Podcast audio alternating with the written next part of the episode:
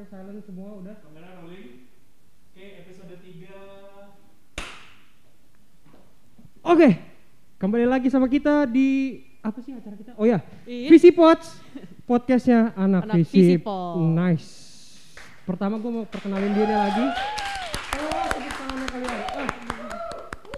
Tepuk tangannya telat kalian ya. Ah. Jadi gini, gue mau perkenalin diri gue dulu. Biar nggak lupa, eh, perkenalin nama gue Jovi, gue sebagai podcaster hari ini dan teman gue di sini sebelah.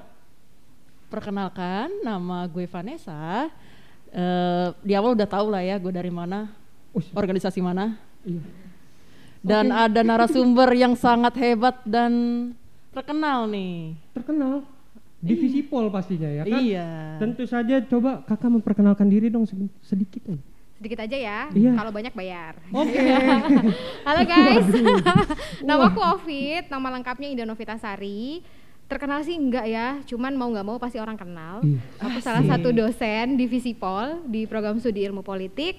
Dan apalagi ya, nanti kalau mau tahu lebih lanjut mungkin setelah ini ya. Iya. hal. Kalau mau lanjut langsung ke ruangannya Kak Ovid. Itu contoh yang baik ya, saking suksesnya jadi nggak perlu memperkenalkan diri yang banyak gitu di ruangan. Iya pasti udah tahu lah Panutan. Visipol bener. Eh, jadi gini loh kak, alasan kita ngundang kakak ke sini ya gitu kak.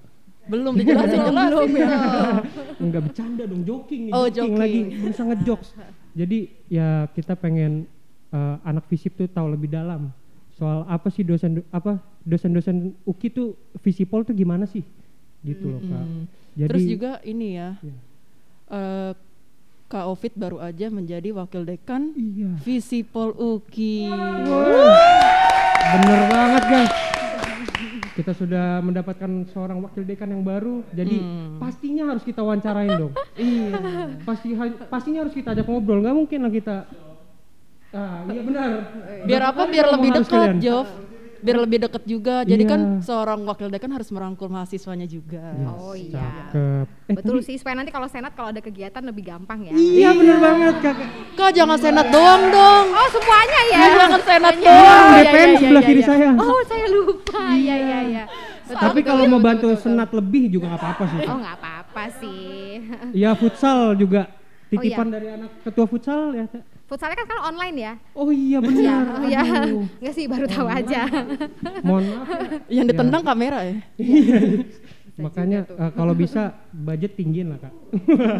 Aduh, ini kayaknya ada ini ya lobby-lobby menarik ya dari Iya. pembicaraan ini. Iya Ya. iya iya. Oke deh. Usahakan nggak apa-apa. Coba Vanessa mau nanya apa sih tadi? Eh, kita langsung aja ya eh, masuk ke sesi pertama yaitu introduction dari Kak Ovid. Kita pengen tahu nih latar belakang Kak Ovid, eh, awal mula pendidikan Kak Ovid boleh atau masa kecil Kak Ovid, Kak Ovid dari mana sih tinggal di mana sih gitu. Aduh kalau dari masa kecil kayaknya panjang deh ini ya. Kayak seharian gitu ya.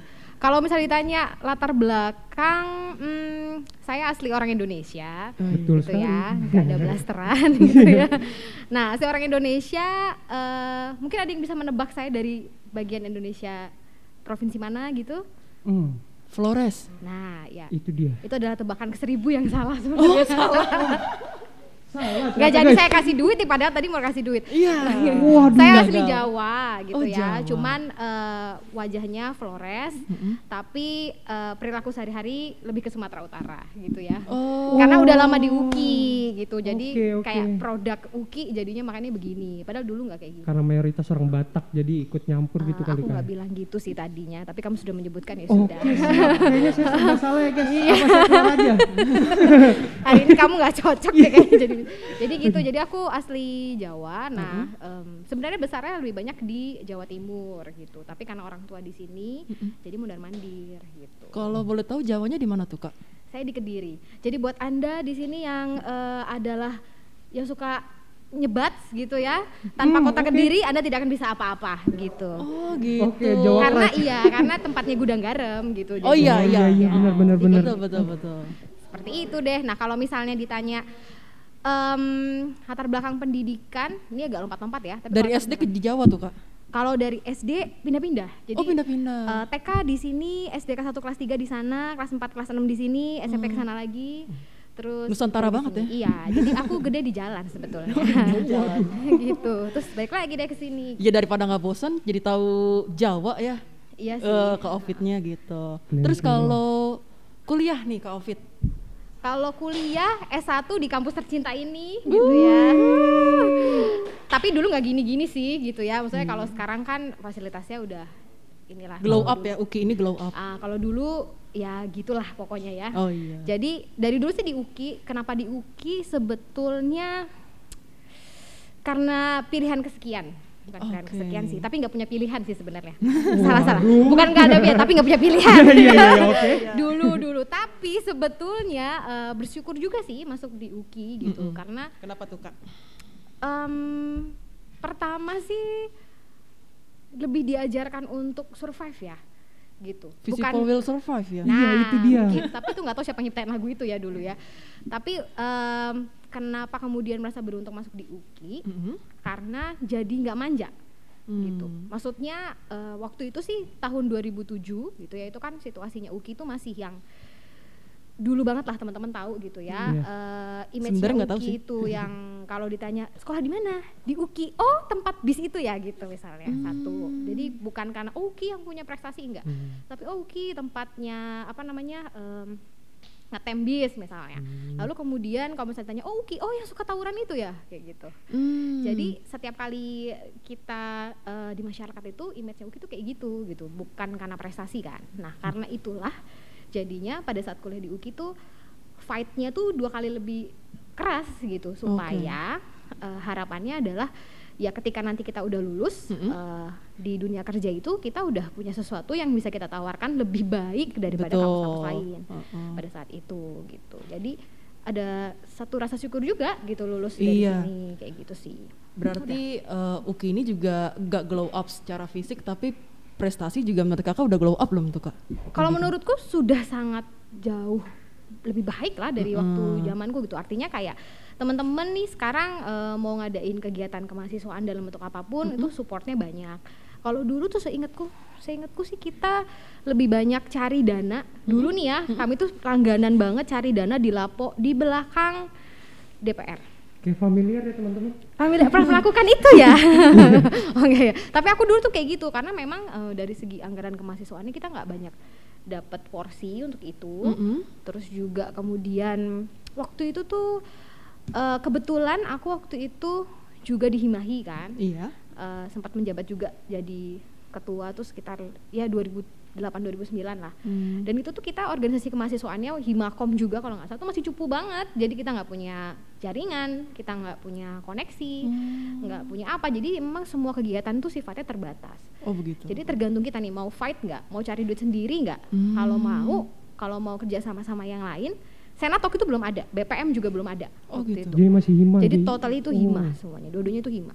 Jadi mau nggak mau kalau kamu mau fight, mau cari duit, ya kamu bisa lakukan kegiatan. Kalau enggak, ya udah diem-diem aja.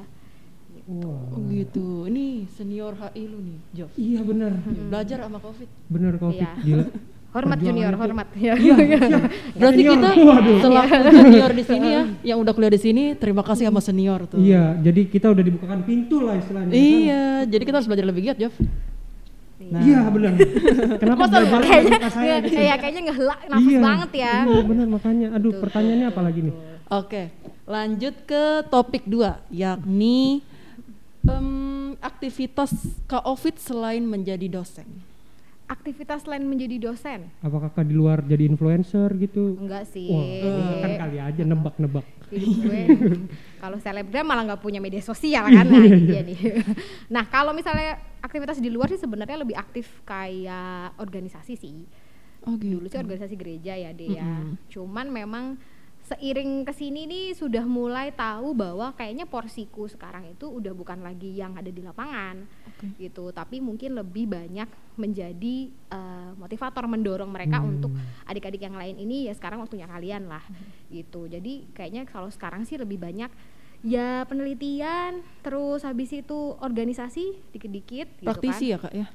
aku sih bukan praktisi Oh gitu. karena kan bidangku ilmu politik kalau udah praktisi aku sudah ke partai ke mana nah, aku Oh, aku nggak iya, memilih itu iya, sih iya, aku nggak benar. memilih itu gitu jadi lebih ke penelitian aja terus lebih banyakin kegiatan sama masyarakat Hmm. itu aja sih sama lagi mencoba menjajaki bisnis buat adik-adik sekarang mumpung masih sekarang bukan bisnis tuh bukan nunggu nanti udah Hmm. Iya, iya, tua benar. gitu ya udah punya keluarga dan butuh penghasilan lebih tapi harusnya dimulai dari sekarang sih Karena perlu banget sampingan ya sekarang. kan betul ini untuk kayaknya lagi pendapat- sampingan juga ya Iya. oh iya iya oh iya iya iya iya iya iya iya Maksud saya pendapatan Enggak sampingan. Iya, iya. Ya, ini kan membangun portofolio kan. Iya, Iya dong. banget. Betul, eh, betul. Covid ini lucu banget ya. Iya. Luar biasa. Saya gantiin aja ya abis ini ya. Oh enggak enggak enggak bukan. Saya bintang tamu aja nggak apa-apa. Iya. Eh, kok setuju? Bisa nanti- gitu. Nah. Oke. Oke, berarti kita bisa lanjut ke topik tiga ya, Jof? Yes, lanjut Ya. aja terus. Oke, berarti topik ketiga ini perjalanan karir COVID ini menarik nih. Betul. Perjalanan karir COVID yang tiba-tiba bisa menjadi seorang wakil dekan yang hebat nih. Aduh.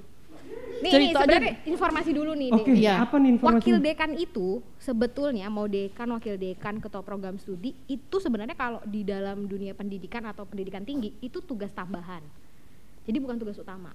Oh, begitu. gitu Uh, jadi itu sesuatu hal yang sifatnya itu nambah gitu jadi kalau misalnya ditanya ini sebuah pencapaian ini bukan pencapaian sih sebenarnya ini cuma tugas tanggung jawab yang sedang dikerjakan Oh. karena nanti kita bakal gantian nih sama dosen-dosen yang lain nah Iya. kalau dosen malah karir kami itu yang paling tinggi adalah ketika kamu jadi profesor Oke, gitu tetapi yang kami banggakan adalah ini, COVID ini bisa membagi waktu menjadi dosen dan tugas job desk sebagai wakil dekan. Eh, ya nggak sih kak, kayak gitu nggak kurang lebih? mau nggak mau sih Iya. walaupun sebenarnya em, tugas wakil dekan ataupun kaprodi itu cuma administratif sih dek. Oke. sama lah kayak ketua senat gitu kan. Artinya kan itu jabatan yang sifatnya administratif sebetulnya. Hmm. tapi tugas untuk membangun mahasiswa itu itu bukan cuma tugas pimpinan aja. Semua dosen pun sebetulnya tugas utamanya itu itu.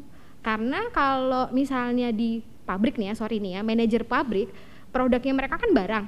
Iya. Nah, kalau kami produk pendidikan tinggi ya adik-adik mahasiswa ini. Jadi adik-adik mahasiswa jadi apa, bentuk mau jadi seperti apa, sukses atau enggaknya itu sebenarnya adalah tanggung jawab dari tenaga pendidik gitu loh. Jadi itu semua tugas tenaga pendidik bukan cuma pimpinan. Luar biasa sekali guys. Berarti ini kita bisa lihat COVID guys. tuh merasakan kesulitan gak sih selama menjadi tenaga, tenaga pendidik? Kesulitan, aku pikir sih semua punya kesulitan masing-masing ya. Adik-adik di sini pun yang e, melaksanakan kegiatan kemahasiswaan pasti punya suka dukanya. Oh gitu. susahnya atau enggak pasti ada. Cuma memang jujur aja nih ya adik-adik ya, waktu saya jadi mahasiswa kayak kalian gini ya, aku kan ngeliatin dosenku kayaknya kerjanya cuma ngajar, pulang, ngajar, pulang gitu kan. Nah jadi salah satu alasan mau jadi dosen tuh juga kayaknya kerjanya nggak berat, cuma ngajar doang gitu kan. Nah ternyata jeng jeng jeng pas udah jadi dosen, satu pada saat kita mau ngajar pun tuh harus prepare ya kan dan kadang-kadang juga kita ada di posisi yang ada mahasiswa yang nanyanya tuh out of the box banget gitu kan. Dan kalau mahasiswa ya pada saat jadi mahasiswa ya gue nggak mau tahu gue mau nanya apa ya dosen gue harus kasih gue jawaban dong. Karena kan gue mahasiswa dan dosen adalah maha tahu. Eh bukan deh. Maksudnya kayak gitu ya. Eh enggak enggak enggak enggak ini adalah sindiran Eka waktu jadi mahasiswa ya. misalnya gitu ya. Nah jadi kayak misalnya eh, kita harus prepare untuk segala sesuatu. Terus yang kedua juga kita nggak bisa bohong ya. Teman-teman mahasiswa di sini kan juga pada saat dia kuliah tuh ya pasti pengennya dapat ilmu tapi dengan cara yang enak gitu, yang Betul. yang fun gitu. Nggak ada dong di sini yang mau dapat ilmu dengan cara yang berat. Kalau perlu nggak usah ada tugas, nggak usah ada apa, tapi gue dapat ilmu gitu kan. Iya. Nah harusnya sebagai tenaga pendidik tuh kita bisa menyesuaikan itu deh. Nah dan itu butuh putar otak sih sebenarnya. Kalau mahasiswa cuma satu dua sih nggak apa-apa, tapi 30 40 otomatis kan kita harus mengatur suasana kelas dan lain sebagainya. Nah, itu usaha. Nah, ternyata tugas berat dosen itu nggak cuma ngajar ternyata. Jadi setiap semester tuh kita harus penelitian, kita harus pengabdian, kita harus nulis, belum lagi harus ngurusin administratif. Kayak gitu. Jadi kaget sih sebenarnya kaget wah gila ternyata dosen tuh kayak gini ya dan selain itu juga kalau aku jujur sih kami punya beban moral tadi bahwa kalian-kalian semua ini mahasiswa itu tanggung jawab kami. Kalau kalian nggak bisa itu sebenarnya kalau menurut kacamata pendidik yang salah tuh bukan mahasiswanya tapi dosennya. Lo bener nggak sih ngajarin mahasiswa atau enggak? Gitu.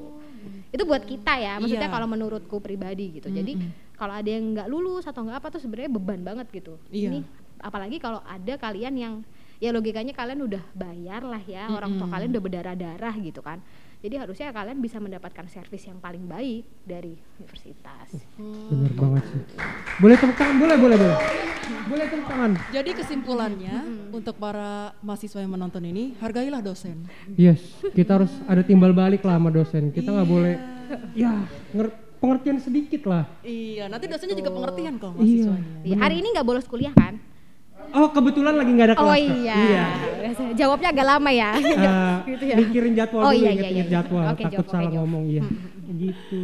Apa lagi pertanyaannya sih? Oke, berarti kita lanjut ke topik 4. Nah, topik 4 ini Kak, keluh kesah COVID selama pandemi sebagai seorang dosen. Bisa diceritakan mulai dari kelucuan mahasiswa kuliah offline. Apa ada yang tidur lagi on cam gitu? Iya. Ada yang makan tiba-tiba lagi on cam? Kalau Kendala misalnya teknis juga bisa Kak. Kendala teknis, kendala yang pa- yang paling lucu adalah gue pernah dikick sama mahasiswa. Waduh. Jadi kayaknya dia iseng, kalian? kayak dia iseng ngekick temennya. Oh. Yang dikick Eka dong. Terus Eka kok gue keluar ya. Terus habis itu baru baru nggak gitu. Ada dua kali gitu, dua kali. Jadi ada nggak tahu lah ya ini yang aku baru temuin sebenarnya. Kalau di Visipol malah aku nggak ketemu. Tapi kebetulan aku ngajar MKU jadi semua mahasiswa dari semua fakultas kan.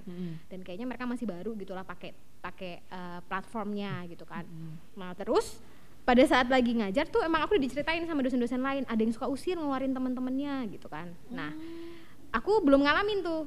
Aku pikir ada kejadian kayak gitu. Ternyata Eka dong yang dikick dua kali. Terus Untuk baru gue mikir siapa nih ngekick gue?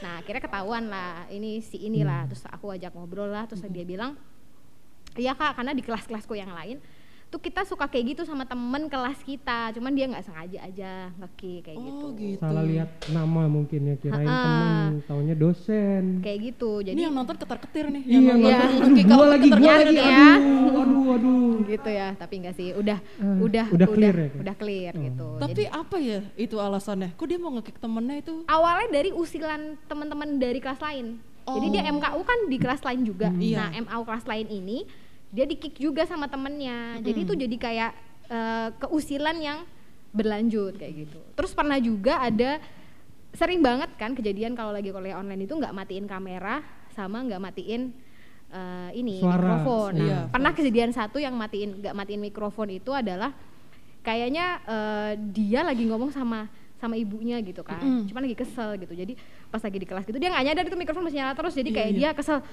bisa nggak sih diam ini dosen gue lagi ngomong nih. Bisa-bisa gue di eh, apa namanya? Bisa-bisa gue nggak dilulusin nih gara-gara lo mak ngomong mulu. Jadi itu dia ngomong di mikrofon. Terus gue liatin ini anak siapa yang ngomong kan Terus Angkatan berapa nih kak? deh pokoknya ada deh. Sesuatu kayak gitu. Mau nanya aja kepo kepo kayak guys. gitu sih. Sama kalau misalnya lagi makan atau tiba-tiba ada yang lagi nguap atau atau misalnya tiba-tiba nggak sengaja share screen share screennya satu ternyata film Korea. Jadi share screen dia. Oh. dia nggak sadar kalau dia lagi share screen. Untung bukan film-film yang lain yang nggak sih? Itu itu sengaja kayaknya kak biar pas kelas Kayak nonton gitu. drakor aja gitu mungkin ya. Ya cuman sedihnya gitu sih deh maksudnya kadang-kadang eh, ada yang punya kendala teknis kayak memang dia sinyalnya buruk Iya, kayak pasti. gitu. Nah itu kan kayak gitu-gitu tuh kadang-kadang bingung juga gitu mau eh, mau kayak gimana. Tapi ada juga ya teman-temannya yang memanfaatkan kondisi kayak gitu jadinya seolah-olah sinyalnya buruk nggak mau ikut kuliah Iya, dan lain benar. sebagainya. Nah harapanku sih sebenarnya memang kita lagi cari cara sih. Kalau aku cari caranya adalah dengan buat buku maksudnya buat modul supaya kalaupun mereka nggak ikut kuliah ya udah baca aja modulnya. Nanti tinggal kita evaluasi gitu. Tapi memang dari situ aku nggak berharap 100% mereka akan seperti kita kuliah yang offline, Offline. Iya. gitu karena kuliah offline aja kalian sekarang masih membayang ke mana-mana kan kadang-kadang benar, apalagi benar. online. Jadi menurut COVID ini perbedaannya jauh banget gak antara Jauh kuliah offline dan online? jauh banget sih dek karena memang eh, apa ya dari segi ini deh eh, menangkapnya gitu Oh, ilmu iya. yang ditangkap tuh ini banget aku kan ngajar banyak di IPOL ya Iya. nah memang kalau anak-anak IPOL anak-anaknya sedikit dan kita tuh tahu banget perkembangannya mereka gitu Iya. jadi kalaupun mereka nggak ngerti dan lain sebagainya kita punya banyak cara untuk nge-reach mereka caranya lebih gampang tapi kasihan kalau yang kelas-kelas besar ya kayak HI, IKOM dosen kan nggak mungkin bisa ngamatin satu-satu Betul. dan ya jujur aja lah kalian berapa banyak sih berapa persen sih materi yang kalian dapat Iya. dengan kuliah online ini gitu jadi memang em, tapi seharusnya ini jadi sebuah pelajaran ya buat dosen mahasiswa dan tenaga pendidik bahwa situasi kayak gini mungkin 10 5 10 15 tahun atau 5 10 tahun lagi akan terjadi akan terjadi. nah makanya harus bisa beradaptasi dan cari cara Iya. gitu intinya jadi Namanya juga pandemi mendadak ya kak ya. makanya ini kan unpredictable Iya. juga kan Kita bisa atur Gitu. apa-apa. Bener. Sedih. Jo. kamu jangan menghela nafas Jovi kayaknya Kita pengen buat kuliah offline kak. Oh, oh gitu ya Iya. oke oke oke jangan bolos ya Iya sih saya nggak pernah bolos kok. iya sih cuman menunda masuk aja Iya. Iya. Setengah jam gitu. Iya, bisa dipahami gitu ya. Eh, Bisa dipahami gitu aduh kan. lupa saya Iya. Kak. Aduh. Abis iya. ini lu yang ditanya sama kok. Iya. Iya, aduh. kayaknya gitu deh. Tiba-tiba Jovi ini keluar. angkatan berapa ya? 18 kak. Oh, Pak. Iya. Kita seangkatan tapi beda jurusan kak. Oh, gitu ya. Ini lagi nakal-nakalnya ya. Enggak juga sih kak. Oh, ya, enggak lagi juga malah ya. justru lagi rajin-rajinnya kak. Oke, oke, oke. Sudah mulai agak bertobat ya kalau angkatan-angkatan atas Iya, ya. apalagi udah online gini. Semester akhir pula. Iya, itu dia. Semakin Jadi berat. agak takut. Eh pertanyaan udah habis ya? Belum. Oh belum. Em, jadi itu aja ya kak mengenai kuliah online. Kalau kuliah online sih itu aja sih kayaknya. Oke, berarti kalau ke Ovid sendiri lebih senang kuliah offline atau online? Sebetulnya kalau dari segi apa ya? Jarak sih, maksudnya bukan jarak ya, tapi dari segi effort yang kita keluarkan untuk eh, mengajar sih sebenarnya online karena kan kita nggak harus datang ke kampus, mahasiswa bisa di mana aja dengan kondisinya. Tapi ya warga 62 ini termasuk saya juga itu kan orang yang belum terbiasa dengan disiplin waktu, terus menghargai waktu, menghargai segala sesuatu yang dilakukan. Jadi kayak ah ya udahlah kuliah kuliah aja nyalain aja kameranya gitu. Iya. Jadi nggak ada kayak gue setiap kali kuliah setiap satu SKS bayarnya 190 ribu ya? Eh berapa sih? 190 ribu kalau Yang suka ngulang berapa? 190 ribu ya? Kayak sekarang 150 ribu, 190 ya? ya kan 190 ribu kali tiga itu udah berapa? Sekitar 500 sekian Mm-mm. eh, selama tiga bulan dan itu disia-siain dengan cuman ya udah nyalain aja, udah hadir aja gitu, nggak dapat apa-apa. Iya kayak tuh gitu. mahasiswa dengerin tuh. Itu sayang banget sih, Sayang Dek. 500 itu kan kalau misalnya beli coki-coki udah berapa gitu kan? Udah banyak banget kalau coki-coki jadi jualin kayak gitu. Terus Jadi Jovi, Hah? coki-coki. gitu. Iya benar. jadi gitu jadi kadang-kadang sih sayang aja tapi kalau dari ya tadi dari segi manfaat kayaknya kita masih belum siap sih dengan sistem yang bener-bener full online jadi paling nggak tuh blended lah kalau mau kap- satu kali masuk atau online nah itu bisa kayak gitu Gitu. Oke, begitu mahasiswa ya, saling menghargai. Temannya juga jangan dijahatin lagi kuliah online. apalagi dosennya Iya, tolong ya. jangan kikik lah. iya kalau Eka kan bisa kesel. masuknya gampang tapi kan Iya. kalau dosen-dosen yang mohon maaf udah sepuh kan bingung ini masukin joinnya gimana Masih panggil gitu. anaknya dulu ya kan. Nah, iya Masuk. begitu makanya Oke deh, berarti kita lanjut ke topik kelima ya, Jaf. Oke, gas Oke, terus. Nah, ini topik kelima ini pertanyaannya adalah momen tak terlupakan dari mahasiswa. momen tak terlupakan dari mahasiswa Itu selama kuliah, eh, meng- selama ke Ovid menjadi dosen Hmm. dari awal sampai Apa sekarang. ya? Offline, offline kali ya kalau dulu-dulu mungkin. kalau Iya. dulu kan Iya, pasti offline iya. ya Lebih banyak offline ya. Offline. apa ya kok aku lupa Mungkin sih, ada event apa gitu Covid. Covid join webinar apa? Pas ngajar ada apa nih si mahasiswa gitu pas offline. Em, paling sih ada yang saking takutnya ujian sampai pingsan itu aja Wah, entah dia sakit entah ujian dia apa, Kak? ya Ujian hidup. enggak gue yang lebih banyak Iya, malah maksudnya sampai pingsan Oh, gitu. iya. enggak sih Pak, ujian lisan jadi Oh, pantas, emang aku oke. udah bilang ke mereka kita ujiannya eh, karena mereka sendiri ngeluh kan bilang aduh kak tugas mulu tugas mulu capek oh ya udah ujian lisan aja ya gitu ya udah jadi kayaknya dia lagi nggak fit lagi sakit juga Hmm. gitu cuman yang bersangkutan ini waktu ditanya tuh diem aja jadi aku takut kayak agak kesurupan gitu loh dia maksudnya emang dia diem aja dia diem aja dia sama temennya sampai temennya tuh dia cuma duduk gini terus tiba-tiba jatuh pingsan Waduh. gitu itu aja sih yang aku ingat jadi sejak saat itu kayaknya jangan ada ujian lisan deh kalau Hmm. secara eh, ini nggak kuat Itu gitu. saking deg-degannya Hmm. ya. nggak ngerti iya makanya aku juga bingung Eh, maksudnya dia ketemu aku kan udah berkali-kali ya kelas juga udah berkali-kali gitu cuman memang aku bilang ujian akhirnya kita lisan aja ya gitu dan ini Oh, memang ujian 50% sih akhir. poinnya jadi gede gitu nah dia mungkin eh, takut atau apa dan segala macam jadi pikirannya di tempat ya. lain bisa ya kak ya? bisa juga mungkin juga Hmm. sakit karena Hmm. begadang Oh, sakit, kan iya. mungkin gitu jadi udah deh dia langsung eh, di tempat itu jadi dari kita ujian batal ujian deh karena ngurusin dulu kan bangunin dulu Oh gitu gitu. Untung RSUK deket ya. Wah iya, tinggal nyebrang. iya effort kasihan juga ya. sih bawanya Iya, ya Iya. Jadi kalau kalian yang mau ujian lisan siap-siap lah makan dari rumah. Betul. Siapin mental. biar nggak pingsan. Iya. Iya. Kak Ovid gak serem kok guys. Iya, cuma kalian sama yang paling sih belajar. skripsi ya skripsi tuh paling momen paling yang kayak Hah? jadi eh, apa ya sering banget nemuin mahasiswa skripsi yang kayaknya nggak siap sih jadi bukan nggak siap atau mungkin ketakutan gitu ya. Jadi mau baru mau mulai baru mau doa udah nangis. Selesai doa nangis. Jadi jadi kita bingung juga dek jangan nangis terus dek. Kita mau ujian nih. Jadi kayak gitu. Jadi buat yang mau skripsi tolong disiapkan mentalnya Hmm, kayak udah ada bayangan dikit ya.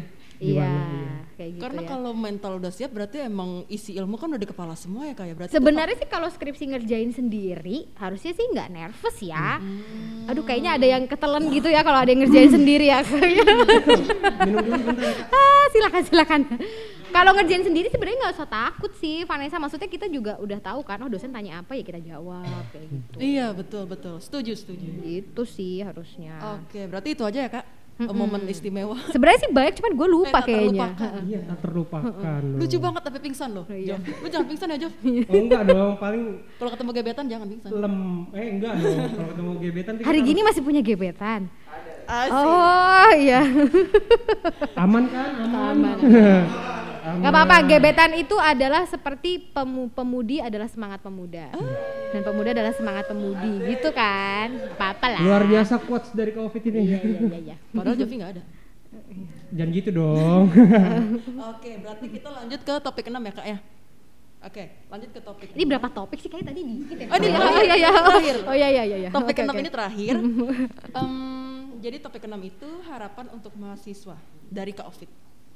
Harapannya Bisa sih, memberi semangat motivasi mungkin Kak Ovid. sebetulnya em, aku nggak tahu ya, tapi salah satu hal yang aku sedikit kritik dari sistem pendidikan kita tuh adalah Mm-mm. pendidikan kita tuh kebanyakan cuman formal aja sih. Artinya memenuhi tuntutan eh, formal apakah dia sudah lulus sekolah dari SD, SMP, SMA sampai kuliah dan lain sebagainya. Jadi dari pada saat kita dari kecil tuh kita nggak pernah bisa memilih dengan sistem pendidikan kita gitu. Misalnya kita dari kecil punya cita-cita dong, mau jadi apa misalnya, mau jadi dokter. Kalau dari awal dokter itu memang sudah berkutat dikatakanlah di dunia kesehatan, belajar biologi, ya udah belajar itu aja gitu. Iya, betul, Nah, betul. nggak usah belajar semuanya dipelajarin Jadi kayak gitu kan. gitu. Betul. Iya. Satu Jadinya fokus aja gitu. Iya, jadinya kita dari dari kecil tuh diciptakan nggak punya pilihan kan buat mahasiswa. Tapi apa ya, itulah proses perjalanan hidup kan. Bukan berarti dengan kayak gitu kita jadi punya excuse kita nggak berhasil dan lain sebagainya. Iya. Nah, karena kondisinya udah kayak gitu, harapanku sih buat teman-teman mahasiswa sebelum em, apa ya istilahnya terjun ke dunia kerja, nikmatinlah masa empat tahun ini bukan hanya untuk menuhin gelar atau mempertinggi IPK atau nambahin poin kalian, tapi juga menemukan siapa kalian Betul. gitu. Selain ilmu jati diri juga penting. Penting banget karena nanti setelah lulus dari sini coba deh ya kita kasih survei ya berapa persen mahasiswa di Indonesia itu yang benar-benar ketika sudah lulus ya dia memang akan terjun di dunia yang memang dia geluti selama dia kuliah gitu. Jadi ya salah satu harapan untuk bisa survive juga adalah menemukan jati diri kalian sih. Kalian itu mau apa, apa yang bisa kalian lakukan untuk menemukan kebahagiaan buat kalian dan lain sebagainya gitu. Karena kalau cuman patokan kita adalah lulus, punya gelar, lalu kemudian eh, kerja, cari duit, pada akhirnya nanti kalau di usia gue yang sekarang ini ya, kita bisa aja kehilangan diri kita, kita nggak tahu kayak gimana. Bahkan ujung-ujungnya malah banyak yang semakin depres karena akhirnya membandingkan diri dia dengan orang lain yang mana sebenarnya kita nggak pernah bisa bandingin diri kita sama orang lain karena kita beda sama orang kayak gitu. Beda. Jadi buat teman-teman mahasiswa sih sekarang di sekarang ini gitu, aku sepakat sama yang bilang bahwa akademik itu bukan segalanya itu benar. Memang sih akademik kuncinya gitu kan. Kalau kamu nggak lulus skripsi ya nggak bisa lulus. Tapi sambil juga tadi menemukan jati diri, mempertajam skill yang mungkin nanti ke depannya itu akan jauh lebih banyak kamu butuhin dibandingkan dengan ilmu apalan pada saat kuliah. Gitu. Luar biasa sekali guys. Luar biasa. Tangan, tangan. Prok prok. Kembali lagi di acara Mario Teguh. Wah. iya. Oh, gitu ya. banget quotesnya soalnya. Iya. Aduh, kayaknya Biar gak terlalu serius nih kan tadi udah dikasih motivasi ya. Aduh, ya. menemukan jati diri sebagai mahasiswa. Bagaimana kalau kita main game? PUBG. Juga dong. Oke. Baiklah, biar kita semua nggak bosan, kita akan main game yang bernama ini, itu. Itu. Firasat gua nggak enak nih kayaknya nih ya. Nama gamenya ya. ini itu ya. Iya. Oke, berarti teknisnya ini teknisinya, Hmm? eh teknisnya teknisinya tuh yang kerja bu ya iya iya nggak apa-apa bisa bisa dimaklumi bisa dimaklumi Nah, jadi eh, ada empat pertanyaan Kak Ovid. oke Empat pertanyaan ini masing-masing ada dua pilihan. Kak Ovid memilih satu pilihan tersebut, lalu eh, memberitahu kepada para penonton dan para pendengar itu alasan Kak Ovid memilih itu apa. oh jadi cuma ada dua pilihan ya Iya. terus pilih salah satu jelasin alasannya Iya, jadi gua nggak bisa memilih ya nggak bisa tidak memilih ya iya dong. pemaksaan sekali oke lanjutkan ya Salahin kreatif aja kayak kalau merasa terpaksa gitu. ya kreatifnya di sini ya itu tuh yang pakai baju putih. oh iya iya iya iya Oke, iya dari gua dulu boleh? Boleh dong. Oke, pertanyaan pertama agak di random aja ya biar agak seru. Oke. Pertanyaan pertama, mahasiswa yang patuh atau mahasiswa yang kritis? mahasiswa yang kritis Kenapa tuh? karena kita tidak mencetak orang jadi robot kalau robot ya patuh dong Sesimpel itu loh. Sesimpel itu guys. Dan ah, dan gue setuju. pertanyaannya lo kritis gak Jov? Eh, saya patuh. Oh iya ini agak Jujur cerem loh. nih ya. Iya iya iya. iya. Saya kurang kritis. Oke, oke, boleh oke, jujur. oke. Iya. Boleh. Oke, berarti tadi sudah satu pertanyaan oleh Jovi, lanjut ke aku. Aku mau nanya ke Ovid, milih kuliah online atau kuliah offline kak? Hmm, saat ini kuliah offline Kenapa tuh? karena em, secara kultur kita belum siap sama kuliah online dan juga teknologinya juga kita belum secara 100% bisa melakukan itu. Jadi kalau aku lebih memilih offline supaya substansinya nyampe ke mahasiswa. Oh, siap siap. Emang offline tuh bisa eh, langsung itu lebih baik ya kak? Jadi Saat ini Iya. psikologis mahasiswa eh, itu masih lebih siap dengan offline. Untuk online Iya. masih belum gitu. Jadi baiknya kalau mau online eh, harus ada tahapannya sih, Dek. Jadi Iya. melepasnya itu nggak 100% Iya, jadi iya, iya, 30% nah kayak gitu-gitu. Istilahnya harus ada training dulu ya. kalau bisa. Bener, betul, Mm-mm. betul. Iya deh. Berarti lanjut ke Jovi. Jov. Oke. Ini pertanyaan yang eh, Menarik. buat mahasiswa juga pasti menarik ya. Hmm. IPK bagus atau banyak pengalaman? Banyak pengalaman. Pengalaman apa aja tuh Covid? Pengalaman berorganisasi, pengalaman kerja, bahkan eh, mahasiswa itu butuh namanya pengalaman untuk eh, solving konflik ya, resolusi Oh, iya, iya, konflik, benar. Problem gitu ya. solving ya. Problem solving juga itu penting banget gitu. Itu lebih penting karena nanti di tempat kerja kan lo nggak ditanya lagi apa definisi dari humas atau apa definisi dari realis. Me- Nah, kan nggak ditanya kan Iya. gitu. Nah, yang bakalan ditanyakan adalah eh, kamu bisa bikin apa namanya position paper misalnya, Iya. atau misalnya kamu bisa branding perusahaan nggak dan segala Betul. macam. Nah, itu kan dapat dari pengalaman. Dimulai dari kayak kegiatan kayak gini-gini kan. Bisa branding visipol nggak lewat visipods misalnya. Iya Kayak betul. gitu. Iya, masuk Visipoluki itu habis branding nggak? Tuh. gue berarti gue agak pintar punya celah gitu Iya, ya. iya. Oke. Untuk agak berguna nih adik-adik gue. yang nonton ini ada Oke, oke, testimoni oke. langsung dari uh, wakil dekan kita ya masuk Visipoluki guys. Oh, Oke. Berarti lanjut eh, pilihan terakhir. Kak Ovid lebih memilih mahasiswa pintar atau mahasiswa aktif? Aktif ini bisa dideskripsikan nggak aktif maksudnya mungkin dia sering bertanya sama Kak Ovid. Tapi kalau pintar itu kan belum tentu aktif. Mungkin emang dia secara teoritis dia nilainya bagus saat ujian, tapi dia nggak banyak nanya gitu ke Kak Ovid. Oke, sebenarnya pinter ini pun juga bisa diterjemahkan dalam banyak definisi ya. Iya. Tapi sih kalau menurutku dalam konteks ini, aku jawab cepet, aku butuh mahasiswa aktif, apalagi yang inisiatif. Nah, Wah, iya iya. Iya, inisiatif. Karena sekarang itu paling susah ditemukan inisiatif, gitu. Dan- Inisiatif itu maksudnya inisiatif belajar atau bagaimana? Yes, gitu inisiatif belajar, inisiatif untuk cari tahu, inisiatif betul. untuk berpikir di luar kebiasaan, gitu, di luar zona nyaman, dan kreativitas itu juga muncul dari inisiatif sih sebenarnya. Iya. Nah, itu Karena kalau agak mau jadi jarang. pintar bisa jadi dari aktif dulu ya kak ya. Iya, kalau dia inisiatif belajar terus menerus kan dia bisa jadi pintar, Betul. gitu. Tapi nggak banyak orang pintar tuh dia cukup inisiatif dan empati, jadi kadang-kadang ya udah masa bodoh aja dengan lingkungan sekitarnya, kayak Oh iya gitu. benar. Gitu. Guys. Jadi aktif lah jadi mahasiswa gitu. Walaupun online gini ikut kegiatan gitu. biar nggak di rumah mulu. Emang nggak pusing? Hah? Emang nggak pusing? Yang pusing Ini nggak ada pertanyaan mau pilih eh, makan apa gitu ya? Oh iya. Ya, maksudnya pertanyaannya gini pilihan, doang ya? Mau mie Gitu. gomak Oh. apa spaghetti? Aduh, itu pertanyaan antara lokal dan internasional ya. Enggak, Luar sebenarnya biasa. ada mie gomak tapi dari Itali. Oh iya. Spaghetti maksudnya. Oh iya benar juga ya, bener-bener. Sama kayak salad yang lokal itu kan pecel Iya, gitu ya. gitu maksudnya. Bagus, Ini bagus, ngerti bagus. loh jok dong. Kita masih seumuran ya. Bisa dihitung. Aduh, kayaknya udah gitu aja ya podcast kita ya.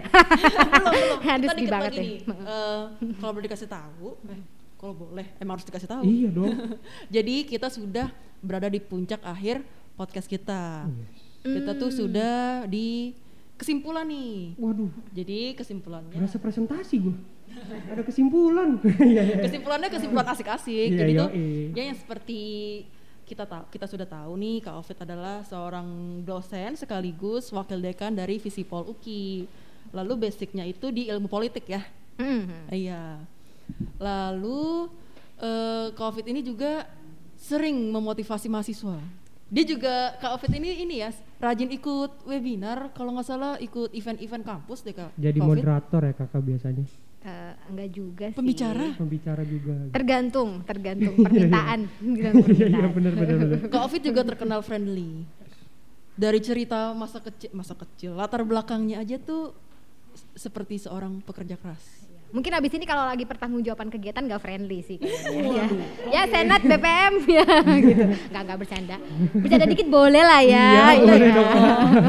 Biar Aduh, kan saya yang deg-degan ya. Oke, gila. Emang COVID ini orang yang patut dicontoh.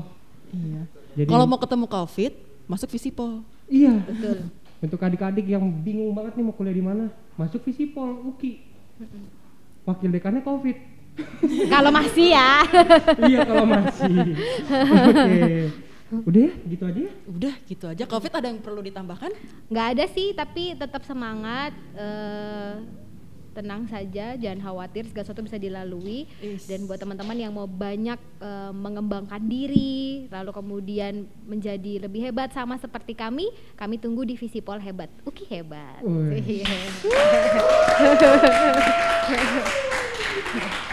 Oke guys, gitu aja podcast kita hari ini. Untuk kalian yang mau nonton video kita bisa cek langsung di YouTube saya mau visi Poluki atau kalian kalau males banget ngeliat muka uh, hostnya di sini, aduh siapa sih nih gitu, mau dengerin aja, bisa langsung cek Spotify kita yaitu Visi Pods Uki. Dan kalau mau tahu informasi selanjutnya atau episode episode episode selanjutnya, bisa cek langsung Instagram uh, kita yaitu Visi Pods. Udah deh, gitu aja. Dadah. Dadah. Dadah. sampai jumpa.